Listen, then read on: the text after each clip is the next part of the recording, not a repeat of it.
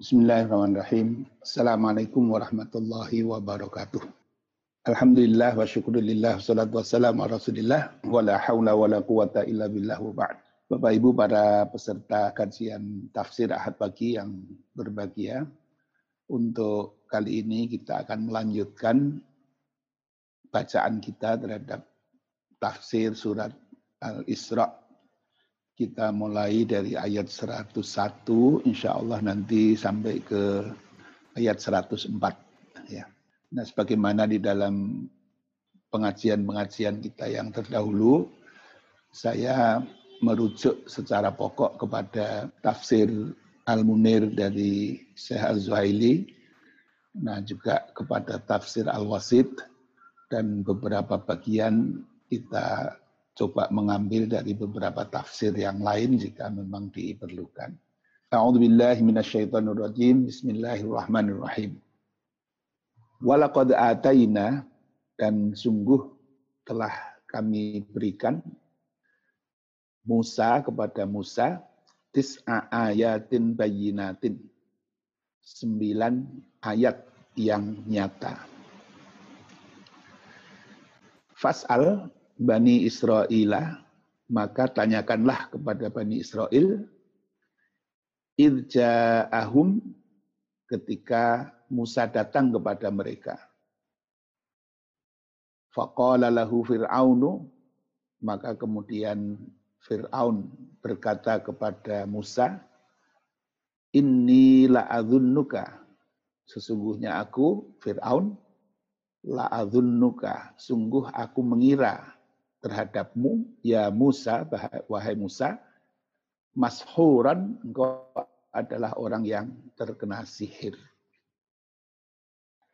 Qala, maka Musa menjawab, Laqad alimta, sungguh engkau telah mengetahui. Ma anzalaha ulai tidaklah menurunkan ayat-ayat tersebut illa rabbus samawati wal ardi kecuali rabbus samawati wal ard. Tuhannya langit-langit dan bumi. Basaira sebagai bukti-bukti yang nyata. Dan sesungguhnya aku, kata Musa, la'adhunnuka ya Fir'aunu, menduga bahwa engkau, wahai Fir'aun, masbura akan menjadi orang yang dibinasakan. Fa'aroda ayyastafizzahum minal ard. Maka kemudian Fir'aun hendak mengusir mereka, Musa dan para pengikutnya ini, minal ardi, dari bumi. Fa'aghraqnahu, maka kemudian kami tenggelamkan Fir'aun itu wa mamma'ahu jami'an dan semua orang yang bersama dengan Fir'aun itu. Wakulna dan kami Allah berkata kepada eh, setelah kejadian itu di Bani Israel kepada Bani Israel uskunul arda tinggallah kamu di negeri ini fa idza jaa akhirati maka apabila telah datang masa berbangkit, Jina bikum lafifa, kami akan kumpulkan kalian, kami akan datangkan kalian, lafifan dalam keadaan bercampur baur. Sadaqallahul adzim. Baik, Bapak Ibu yang saya hormati, jadi rangkaian ini, ayat-ayat ini masih terkait dengan persoalan orang-orang Quraisy yang meminta sekian banyak kemukjizatan kepada Rasulullah Sallallahu Alaihi Wasallam sebagai tantangan mereka atau alasan mereka untuk mereka sebenarnya mau menolak kerasulan Rasulullah Sallallahu Alaihi Wasallam itu. Nah, oleh karena itu maka Nabi Musa, eh, Allah SWT kemudian menurunkan kepada Rasulullah pada saat itu, dan ini juga disampaikan kepada orang-orang Quraisy ya pada zaman itu kisah tentang peristiwa yang mirip-mirip bahwa para nabi terdahulu itu juga kadang-kadang atau mengalami juga tantangan-tantangan yang sama sebagaimana yang dialami oleh Rasulullah Sallallahu Alaihi Wasallam. Nah, oleh karena itu Allah kemudian menurunkan rangkaian ayat ini. Walakot ataina Musa tis'a ayatin bayinatin sampai fa'idha ja'a wa'dul akhirati ji'na lafifa. Nah secara ringkas, secara sederhana, maka kita bisa melihat di sini bagaimana Allah menurunkan sab'a ayatin bayinat, tis'a ayatin bayinat. Sembilan ayatin bayinat. Nanti kita bahas secara spesifik maknanya. Ada Rasulullah Allah menurunkan kepada Musa tentang sembilan hal, ya sembilan ayat yang diberikan kepada Bani Israel. Kemudian dengan berbagai alasan, Bani Israel dipimpin oleh Fir'aun itu menentang walaupun bukti-bukti eh, kebenaran dari Musa itu sudah begitu nyata di depan mereka. Tetapi karena memang dasarnya tidak kufur, maka ya tetap saja mereka mengambil sikap kufur. Nah sehingga bukti-bukti kebenaran yang diberikan oleh Allah kepada Musa ini dianggap oleh Fir'aun sebagai bukti bahwa Fir'aun ini sedang disihir oleh orang uh, maaf Musa ini Nabi Musa ini sedang kena sihir ini kamu itu sedang kena santet ini. Jadi aneh-aneh ngomongnya aneh-aneh perilakunya aneh-aneh. Ini kamu pasti sedang terkena sihir dari orang lain. Nah Musa tidak menanggapi secara tekstual apa yang dia tuduhkan. Dia cukup mengatakan karena sebenarnya dia tahu juga Fir'aun ini sebenarnya yakin bahwa Musa ini benar, cuman dia mau kufur. Maka eh, Musa hanya mengatakan, ya, sebenarnya kamu kan tahu bahwa yang memberi saya tis'a ayatin bayinat ini adalah Allah Subhanahu wa taala. Kalaulah kamu mengatakan kami ini orang yang tersihir dan sebagainya, itu kan hanya alasan kamu saja. Dan kami yakin bahwa kamu nanti akan menjadi kaum yang akan dihancurkan oleh Allah Subhanahu wa taala. Ketika tanda-tanda kekuasaan Allah, kebenaran di depan mata sudah tidak bisa ditolak, tetapi kamu tetap juga untuk mengambil sikap kekufuran, maka kamu nanti yakin pasti akan dihancurkan oleh Allah Subhanahu wa taala. Nah, ini jawaban Musa begitu. Jadi tidak tidak meladeni tuduhan-tuduhan, isu-isu yang dimunculkan Fir'aun. Tapi langsung saja menohok kepada substansinya bahwa sebenarnya Anda tahu bahwa saya ini benar. Tetapi Anda memang mengambil sikap untuk menjadi kufur. Ya itu pilihan Anda. Saya yakin Anda nanti akan hancur dengan dengan pilihan ini. Nah akhirnya Fir'aun menggunakan bahasa kekuasaan. Bahasa kekuasaan yang dihadapkan kepada kepada Musa yaitu dengan keputusan dia untuk menghabisi Musa dan para pengikutnya. Fa'arata ayyastafizzahum minal ardi. Ayyastafizzahum minal ardi itu bisa bermakna mengusir mereka dari Mesir ya. Atau yang kedua adalah membumi hanguskan, jadi menghilangkan mereka dari muka bumi ini. Artinya melenyapkan mereka orang-orang yang tidak mau tunduk kepada kekuasaan Fir'aun ini. Nah, tapi apa yang kemudian terjadi? Fa'aghraqna wa mama'hu jami'a. Allah kemudian menghancurkan, menenggelamkan Fir'aun ini di tengah-tengah eh, keserakahannya untuk berkuasa dan kemarahannya untuk menghancurkan Musa alaihissalam ini. Dan Musa pun diselamatkan oleh Allah subhanahu wa ta'ala. Nah ini cerita ringkasnya seperti itu. Jadi bahwa tanda-tanda kekuasaan Allah akan diberikan oleh oleh telah diberikan oleh Allah kepada Nabi Musa. Nah, kemudian Musa memperlihatkan menunjukkan dengan nyata kepada Firaun, Firaun menolak eh, dan mencari-cari alasan untuk menolaknya padahal sebenarnya di dalam hati dia sendiri dia dia tahu gitu.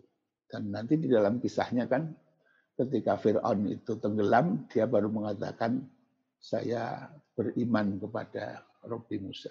Tetapi sudah terlambat karena sudah sudah dalam keadaan sakaratul maut, tidak ada pilihan lain baru dia mengatakan saya mau beriman kepada kepada Anda.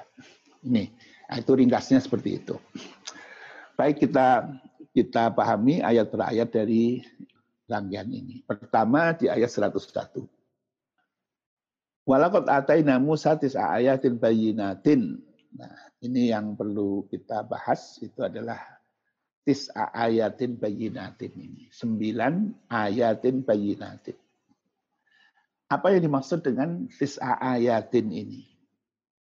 Para ulama memberi dua tafsir makna. Yang pertama ayatin di situ dimaknai dengan mukjizat-mukjizat. Ya, mukjizat-mukjizat. Jadi Allah telah memberi kepada Nabi Musa mukjizat-mukjizat yang sembilan. Ya. Nah ini yang lima ini sebagaimana diungkapkan oleh Ibnu Abbas di dalam tafsirnya bahwa yang lima itu seperti yang disebutkan di dalam surat Al-A'raf ayat 133. Fa'arsalna alaihim maka kami kemudian datangkan kepada Fir'aun dan kaumnya ini, yang pertama adalah At-Tufanu, Tufan. Jadi ketika Nabi Musa sudah datang dengan berbagai mukjizat yang diberikan, ditunjukkan kekuasaan Allah ya kepada Fir'aun, tapi mereka tetap saja untuk melakukan kekufuran-kekufuran. Nah maka kemudian termasuk di antara mukjizatnya ini ada dua, dua jenis ya. Nabi Musa itu. Pertama, tantangan Fir'aun untuk menunjukkan mana yang menunjukkan Allah itu berkuasa. Bisa melakukan hal-hal sesuatu yang di luar ini, di luar kemampuan ini. Nah, maka nanti Allah tunjukkan melalui Musa itu berbagai keluar biasaan yang diberikan kepada Nabi Musa sebagai mukjizat. Mulai dari tangan yang bisa bercahaya, ya, kemudian tongkat yang bisa menjadi ular, kemudian tongkat itu bisa apa dipukulkan ke batu, kemudian mengalirkan sumber-sumber air, kemudian nanti tongkat itu terakhir nanti ya dipukulkan ke laut, bisa membelah laut, dan akhirnya eh, Bani Israel bisa selamat, Fir'aun yang mengikuti kemudian tenggelam di laut itu. Nah ini kuasa. Nah juga misalnya mereka mengatakan, mana katanya Tuhanmu akan memberi azab kalau kalau kami tidak mau beriman. Nah Allah memberi langsung. Ya. Pertama tufan. Ada tufan besar yang merusak seluruh tanaman penduduk Mesir pada zaman itu ya. Negeri Mesir pada zaman itu. At-tufan. Ya. Kemudian wal jarot. Kemudian setelah tufan itu berhenti, kemudian ada bulalang. Ya jadi ada ratusan juta belalang yang merusak seluruh jenis tanaman yang ada di di negeri Mesir pada saat itu. Kemudian wal malah kutu setelah masa bulalang ini habis, kemudian Allah menurunkan masa kutu. Semua tanaman mati karena penuh dengan kutu, buah-buahan penuh dengan kutu, tidak bisa dimakan. Bahkan binatang-binatang ternak pun pada mati karena diserang oleh kutu ini. Wal ya. Kemudian wadofati'ah. Allah menurunkan jutaan kata di Mesir pada saat itu. Sehingga rumah-rumah tempat tidur di mana saja penuh dengan kata yang yang menjijikkan di semua tempat ya. Nah, dan puncaknya adalah wadama. Allah menjadikan tiba-tiba air sungai yang segar itu berubah memerah seperti warna darah. Ya. Sumber-sumber air minum mereka, sumur-sumur mereka menjadi darah. Nah ini ditantang oleh mereka, mana katanya Allah bisa mengazab kita dengan ini. Diberikan. Diberikan langsung oleh Allah kepada kepada mereka ini. Nah, ini ayatin mufassalatin sebagai tanda-tanda kekuasaan Allah yang terpisah-pisah. Maksudnya ini zaman ini ya. Ada zaman terjadi tofan dulu, zaman topan yen. terus ada zaman walang, ya. ada zaman ketika putu-putu sekian, zaman banyak sekali kata. Nah, kemudian ada masa ketika ini. Nah, ini ayatin mufassalat yang Allah berikan langsung kepada mereka menunjukkan uh, azab Allah kepada mereka yang mereka minta sendiri. Coba tunjukkan kalau betul Allah memang bisa mengadab. Dikasih, dikasih oleh Allah. Fastak baru, tetapi mereka tetap saja masih menyombongkan diri, tidak mau beriman. Wakanu kauman mujrimin, dan mereka itu adalah kaum yang mujrimin. Ya. Nah itu itu lima ya. Nah yang empatnya mana? Wal arba'ul ukhra kama qala Ibnu Abbas radhiyallahu anhu ya as-sunun fi. Jadi kekeringan. Nah, sebagaimana diriwayatkan oleh Ibnu Abbas, empat yang lain yaitu pertama adalah kekeringan yang panjang, masa paceklik. Nah, sehingga lembah-lembah mereka seluruhnya kering, tanamannya mati semua ya.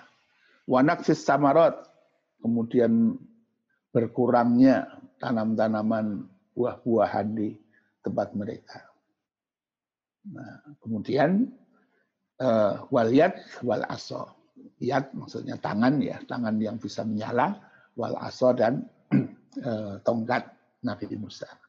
Nah, tongkat Nabi Musa ini banyak sekali kejadiannya ya, mulai dari diperlihatkan seperti ular di depan Fir'aun, kemudian berhadapan dengan Saharatu Fir'aun, ketika berhadapan dengan Saharatu Fir'aun, itu juga akhirnya tongkat ini juga yang diperintahkan Musa untuk menjatuhkannya dan akhirnya melalap semua tali-tali yang seolah-olah tampak seperti ular yang dibuat oleh para ahli sihir itu. Kemudian nanti ketika menyeberang ke laut ya, kemudian ketika menutupkan kembali laut itu, nah kemudian setelah itu nanti tongkat ini untuk mengalirkan 12 mata air ya di setelah itu, nah ini tongkat ya. Jadi ada lima yang ada di surat Al-A'raf 133. Nah yang empat itu menurut riwayat dari Ibnu Abbas itu adalah kekeringan, kemudian berkurangnya buah-buahan, kemudian tangan dan tongkat. Nah, Bapak Ibu yang saya hormati, sebenarnya kalau kita ikuti di dalam kisah-kisah Nabi Musa ya, dan kita tahu bahwa Nabi Musa ini nabi yang kisahnya paling lengkap diceritakan oleh Allah di dalam Al-Quran. Bahkan sejak menjelang kelahirannya sampai kelahirannya masa kecilnya dihanyutkan di Sungai Nil, di, di, di apa nama ditemu oleh ditemukan oleh keluarga Raja Fir'aun, kemudian dipelihara oleh Fir'aun, kemudian dicarikan tukang yang bisa menyusui beliau ternyata akhirnya dikembalikan lagi kepada ibunya ya.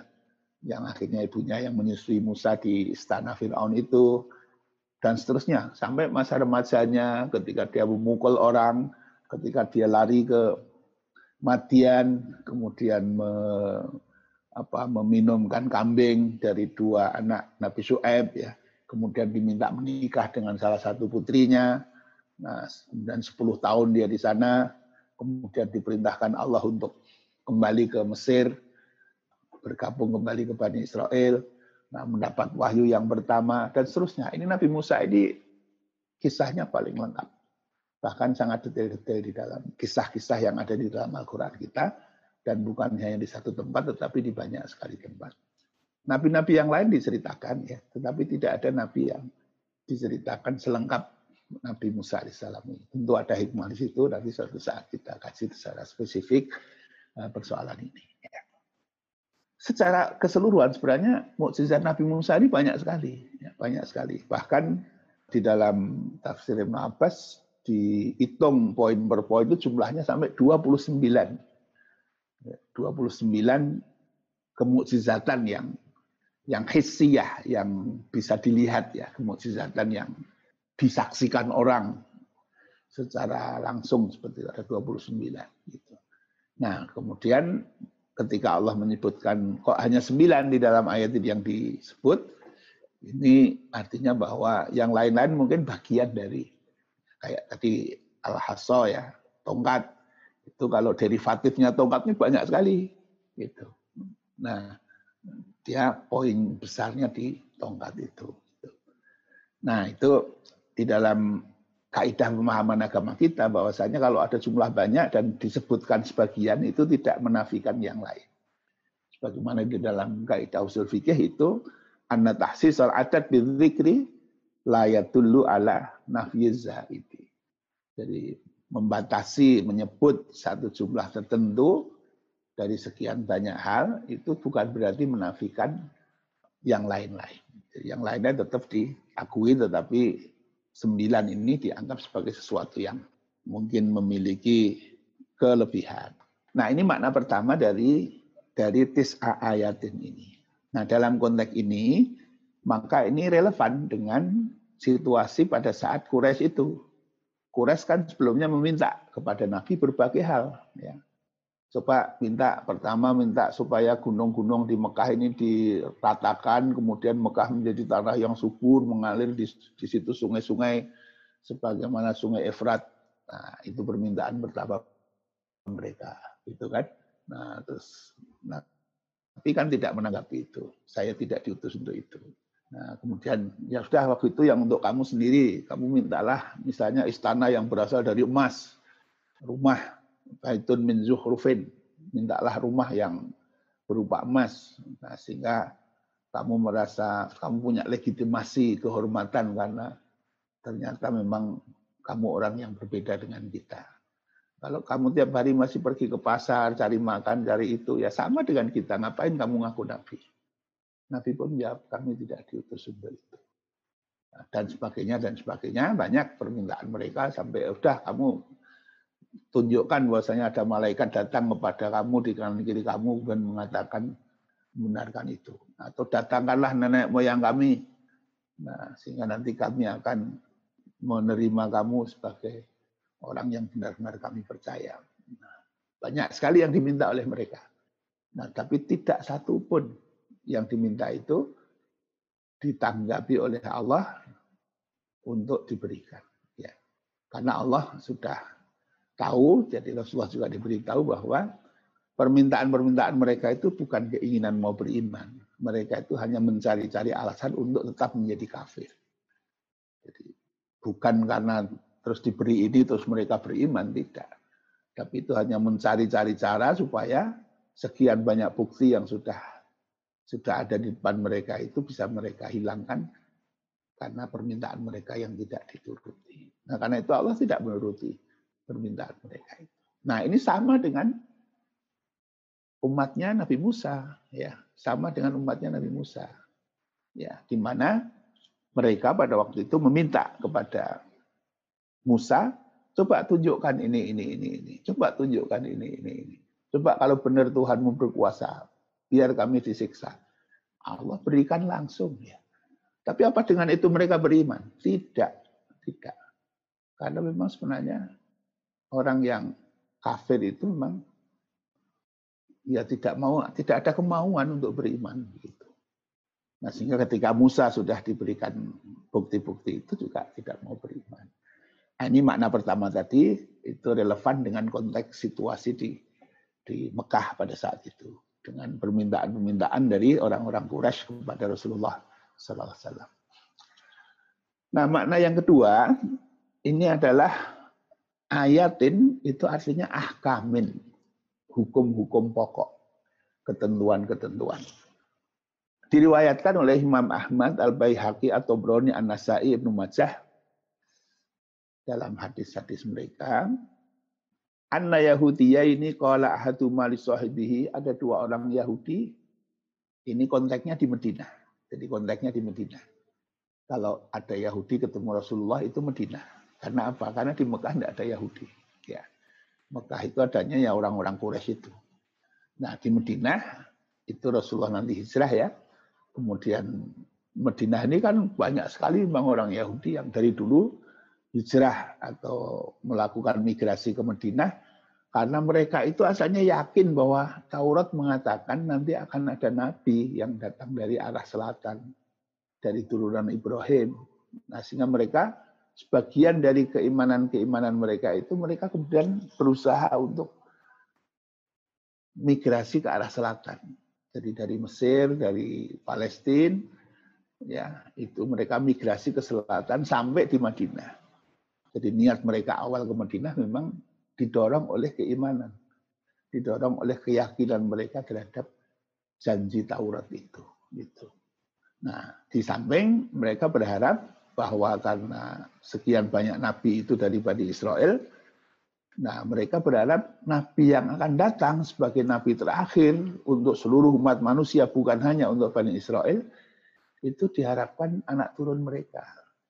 Apakah putranya sendiri, apa cucunya, apa ponaannya, atau apa itu. Mereka lah yang berbondong-bondong ke selatan itu.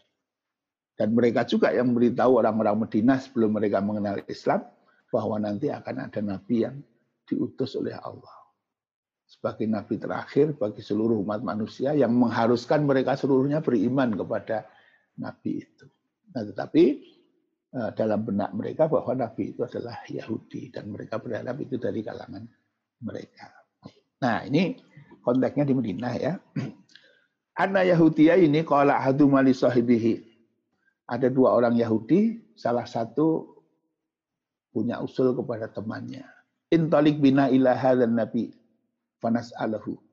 Yuk kita temui orang yang mengaku nabi ini, kemudian kita tanya dia. Fa'atayahu sallallahu salam fasa'alahu an qaulillahi ta'ala. Kemudian mereka berdua mendatangi Rasulullah SAW dan kemudian menanyakan kepada Rasulullah tentang ayat Walakot ataina Musa ayatin bayinatin. Ayat ini kan sudah turun di Mekah ya. Sudah turun pada saat Nabi belum hijrah. Tadi konteksnya masih dalam konteks Mekah tadi. Tetapi kan di Medina semua ayat Quran yang turun dari Mekah ini kan yang diajarkan oleh oleh Nabi dan para sahabat kepada penduduk-penduduk Medina termasuk orang-orang Yahudi yang berada di Medina mereka juga mendengar itu gitu. Nah, salah satu dari ayat yang menarik bagi dua orang Yahudi ini itu adalah surat Al-Isra ini di mana Allah mengatakan walaqad ataina Musa tis'a ayatin bayyinatin. Nah, mereka mereka orang Yahudi ini sudah yakin, sudah tahu Musa itu memang diutus oleh Allah dengan sembilan ketentuan pokok, sembilan hukum dasar bagi orang-orang Yahudi. Sehingga ketika mereka mendengar walakot ataina Musa tis'a ayatin, mereka langsung menangkap. Berarti ini adalah sembilan hukum pokok yang diajukan, yang diajarkan oleh Musa dalam prinsip-prinsip Taurat itu. Nah, yuk sekarang kita coba tanya dia. Kalau dia tahu, karena kan di ayat ini tidak dijelaskan sembilan itu apa. Gitu ya. Kalau dia tahu, maka berarti dia betul-betul nabi. Nah, tapi kalau dia tidak tahu ya kita tidak percaya kalau dia nabi. Begitu. Fasa'alahu an qaulillahi ta'ala, maka kedua orang itu bertanya kepada Rasulullah tentang firman Allah. Malakot ataina Musa tis'a ayatin bayinatin. Bahwa Allah telah memberi kepada Musa dengan tis'a ayatin bayinatin. Sembilan ayat itu apa? Gitu. Faqala, maka Nabi menjawab, satu, La tusyriku billahi syai'ah. Janganlah kalian menyekutukan Allah dengan sesuatu pun. Wala tasnu, janganlah kalian berzina. Wala taqtulun nafsal lati haramallahu illa bilhaq. Jangan sekali-kali kalian membunuh makhluk, membunuh orang lain dengan tanpa alasan yang dibenarkan oleh agama. Wala tasruku, janganlah kalian mencuri. Wala tashuru. Janganlah kamu mensihir. Wala takulur riba. Jangan kamu makan riba. Ya. Wala tamshu bibari'in illa di sultanin liyaktulahu. Jangan kamu datang kepada seorang penguasa kemudian kamu bunuh dia. Jadi jangan bunuh seorang yang sedang berkuasa. Karena mungkin tidak cocok dengan keinginan Anda. Tujuh, wala takzafu muhsanatan Jangan kamu menuduh wanita-wanita yang bersih sebagai orang-orang yang berzina. Qadhaf. Tidak boleh ada qadhaf. Nah, wa antum ya Yahud alaikum khasatan alla ta'tu fis. Dan bagi kalian wahai Yahudi, yang ini khusus untuk kalian, yaitu supaya kalian tidak ya taktu fisabti, menangkap ikan pada hari Sabtu. Nah, kenapa Nabi mengatakan khosotan yang ke sembilan ini? Karena yang delapan ini bagi kita berlaku juga. Ajaran pokok di dalam Quran juga, ajaran pokok di dalam Taurat, ini juga sama. Quran kita juga melarang seluruh yang delapan ini.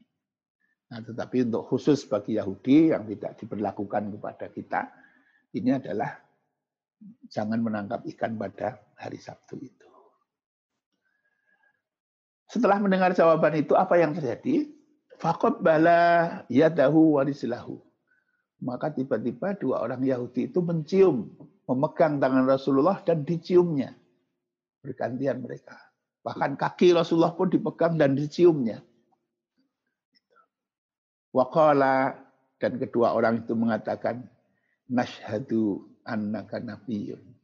Kami bersaksi bahwa engkau adalah seorang nabi. Qala maka Nabi mengatakan, "Fama yamna'ukuma antus salima antus lima."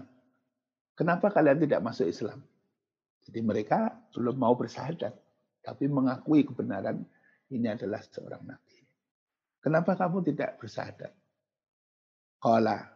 Kemudian dia menjawab, Inna Dawuda ta'a alla yazala min dzurriyyatihi nabiyyun. Karena dulu Nabi Daud itu pernah berdoa supaya selalu ada dari keturunan Nabi Daud ini yang menjadi nabi. Wa inna nakhafu in attaba'naka. Nah, kami takut kalau kami mengikuti engkau yang bukan dari keturunan Bani Israel. Daud kan bagian dari Bani Israel ya. Sedangkan Rasulullah ini kan bukan keturunan Bani Israel ya. In attaba'naka antaktulana Yahud. Bisa jadi kalau kami mengikuti kamu, maka orang-orang Yahudi yang lain akan membunuh kami. Nah ini dalam konteks ini maka makna tis'a ayatin itu adalah sembilan ajaran pokok dari Nabi Musa. Ya. Nah, karena itu ini relevan dalam konteks nanti pemahaman bagaimana menjawab pemahaman-pemahaman prinsip yang dihadapi oleh Rasulullah ketika berhadapan dengan Yahudi. Nah, kalau yang ayatin dalam makna mukjizat-mukjizat tadi itu relevan dengan kondisi pada saat ayat itu diturunkan pertama kali, yaitu pada saat berhadapan dengan orang-orang Quraisy pada saat itu. Nah, ini tis'a ayatin bayinat. Jadi Nabi Musa diturunkan dengan membawa sembilan ayatin bayinat dalam konteks dua makna tadi. Nah, tetapi tadi ya Fir'aun itu tetap saja tidak mau beriman dan menganggap Musa ini sebagai orang yang kena sihir. Nah, kemudian Musa juga menegaskan bahwa sebenarnya Anda tahu bahwa saya ini benar, bahwa apa yang Allah tunjukkan kepada kami ini adalah kebenaran-kebenaran. Nah, dalam konteks Musa ya, baik dengan mukjizat-mukjizat hisiah maupun dengan ajaran-ajaran yang disampaikan kepada orang-orang Bani Israel itu, ya Anda tahu sebenarnya ajaran-ajaran ini benar. Nah, tapi Anda memang tidak mau beriman, dan kami yakin sikap Anda itu akan membawa kepada kehancuran Anda sendiri. Gitu. Nah, itu. Nah, Fir'aun sendiri ini menjadi satu hal yang menarik ya. Kenapa Fir'aun itu Eh, tidak mau beriman pada saat dia masih hidup. Padahal dia sudah melihat secara nyata uh, mukjizat yang ada di depan beliau. Bahkan ketika dia menganggap bahwa Musa ini hanya tukang sihir, sehingga dia kumpulkan, dia yakin semua tukang sihir yang dia miliki jauh lebih hebat daripada yang datang hanya satu orang ini, dua orang dengan Musa dengan Harun ya. Nah, maka dia kumpulin seluruh tukang sihir sepenjuru negeri. Kemudian ditantang Musa di situ untuk disaksikan banyak orang, dirayakan ramai di lapangan ya. Pertandingan antara dua kelompok tukang sihir ini. Tukang sihirnya Fir'aun dan tukang sihir yang dituduh oleh Fir'aun sebagai tukang sihir yaitu Musa. Nah ternyata tukang sihir yang dibangga-banggakan oleh Fir'aun ini Justru mereka semuanya fakau lahu sajidin. para tukang sihir pun kemudian justru menyatakan sujud beriman kepada inna aman nabi Rabbi Musa wa Harun. Kami beriman kepada nabinya, kepada Tuhannya Musa dan Harun. Nah, kalau Fir'aun itu orang sehat cara berpikirnya ya, itu kan mestinya, oh, ternyata orang-orang tukang sihir yang saya kira tadi Musa adalah tukang sihir, ternyata para tukang sihir saya pun menyatakan dia bukan tukang sihir. Dan bahkan mereka menyatakan beriman di depan uh, Fir'aun sendiri. Sekian banyak tukang sihir seluruhnya beriman bersama-sama kepada kepada apa yang dibawakan oleh Musa alaihissalam. Nah, kalau orang waras gitu ya, oh berarti memang bukan tukang sihir. Nah, kalau gitu ya mungkin dia nabi. Kalau gitu saya terima. Tapi kan enggak. Malah karena dia sebenarnya khawatir dengan kekuasaan. Ya, ini memang penyakit penguasa itu begitu. Jadi kalau ada sesuatu yang baru, itu yang dia khawatiri kekuasaan dia. Kalau dia sudah kehilangan kekuasaan, kehilangan legitimasi, kehilangan apa nanti kenikmatan-kenikmatan kekuasaan dengan seluruh derivatinya itu akan hilang. Gitu.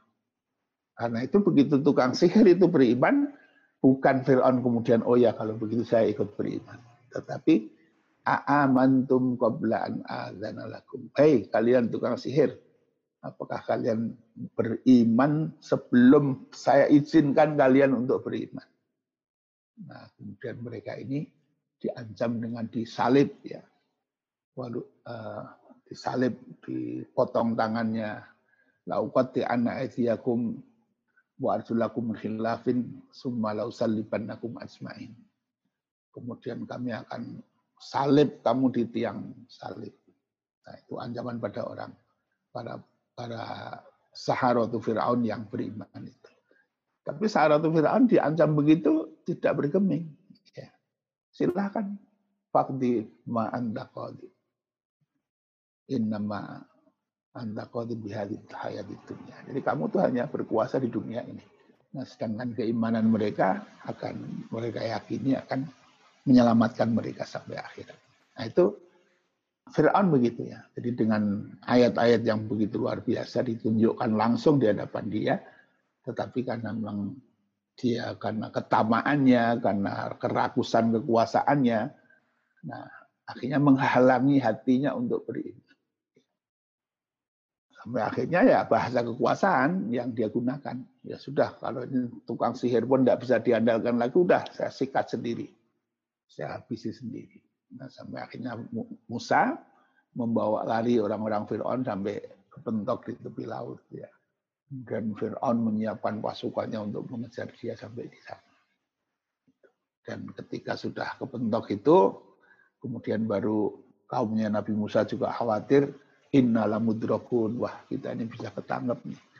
Kemudian kata Musa, kalla inna ma'iya rohbi sayahdi. Tidak mungkin. Bersama kita ini ada Tuhan kita yang pasti akan memberi jalan keluar pada kita. Maka ketika Fir'aun sudah kelihatan begitu dekat, Allah perintahkan Musa untuk memukulkan tongkatnya ke laut. Dan seluruh Musa dan pengikutnya bisa menyeberang di celah laut itu sampai ke Palestina, Laut Merah ini. Nah, bagaimana Firaun? Firaun pun kemudian mengejar. Wah, ini ini kan mukjizat juga bagi Firaun. Loh, kok bisa ya kayak begitu? Tukang sihir sudah tidak ada gunanya lagi. Ya. Tukang sihirnya sudah lewat. Ini sudah bukan sihir lagi. Dia kejar lagi masih dengan semangatnya untuk menghabisi Musa dan para pengikutnya ini. Tapi begitu Fir'aun masuk melalui jalan yang sama, Allah kemudian menutup kembali laut itu. Fa'amranakum asma'in. Fa'amranahu wa mamma'ahu jami'ah. Maka kemudian Allah menenggelamkan dia berserta dengan pengikutnya seluruhnya. Nah, seluruh pengikutnya yang lain, ini ketika Fir'aun tenggelam inilah diceritakan di dalam satu ayat ya, bahwa dia menyatakan beriman kepada kepada Tuhannya Musa. Tetapi Allah tidak menerima iman ketika seseorang sudah yumerir, tinggal tinggal nafas terakhirnya saja untuk uh, untuk hidup baru dia mengatakan iman. Nah, dihancurkanlah Fir'aun dan seluruh bala tentaranya. Kemudian jasad Fir'aun ini itu dijadikan oleh Allah sebagai sesuatu yang tidak rusak. Untuk menjadi tanda kekuasaan Allah sampai hari akhir. Sekarang Bapak Ibu bisa silaturahmi ya kepada Fir'aun ini di Mesir. Jasadnya masih. Dan jasad Fir'aun inilah yang menyebabkan Maurice Bukel, Dr. Maurice Bukel, peneliti arkeologi dari Prancis yang luar biasa, yang akhirnya meyakini bahwa dari ciri-ciri fisik penelitian sel-sel yang tersisa dan seluruhnya sampai akhirnya dia yakin bahwa ini adalah Fir'aun yang mati karena tenggelam dengan kadar air laut sekian ini sekian ini sekian. Dan Allah ah, kemudian ditunjukkan kepada dia bagaimana jasad Fir'aun ini memang sengaja dijadikan tanda kekuasaan Allah kepada umat manusia berikutnya.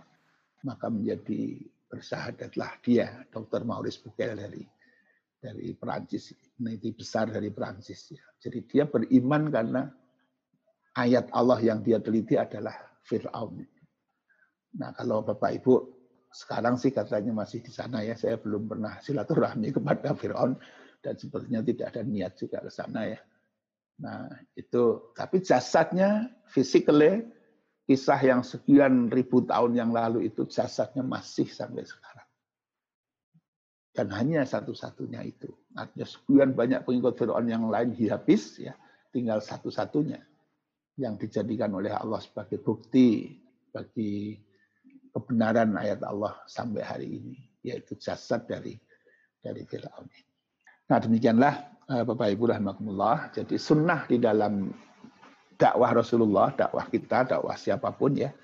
Jadi ajaran-ajaran kebaikan yang dibawa oleh Allah, dibawa oleh Rasulullah SAW, diajarkan ya, itu tidak akan selalu, selalu akan berhadapan dengan tantangan-tantangan. Nah, salah satu tantangan yang paling berat di dalam dakwah itu adalah kekuasaan. Jadi penguasa-penguasa yang memang memiliki kecenderungan untuk status quo, yang tidak mau untuk melakukan perbaikan-perbaikan sesuai dengan apa yang diajarkan oleh Allah. Karena mereka khawatir kalau dengan cara itu mereka kehilangan kekuasaannya. Nah, inilah yang cenderung kemudian menghalangi ajaran-ajaran Allah dan merekalah yang biasanya berperilaku paling keras terhadap seluruh langkah-langkah dakwah. Jadi kekuasaan yang paling merasa terancam oleh oleh gerakan-gerakan dakwah yang lurus.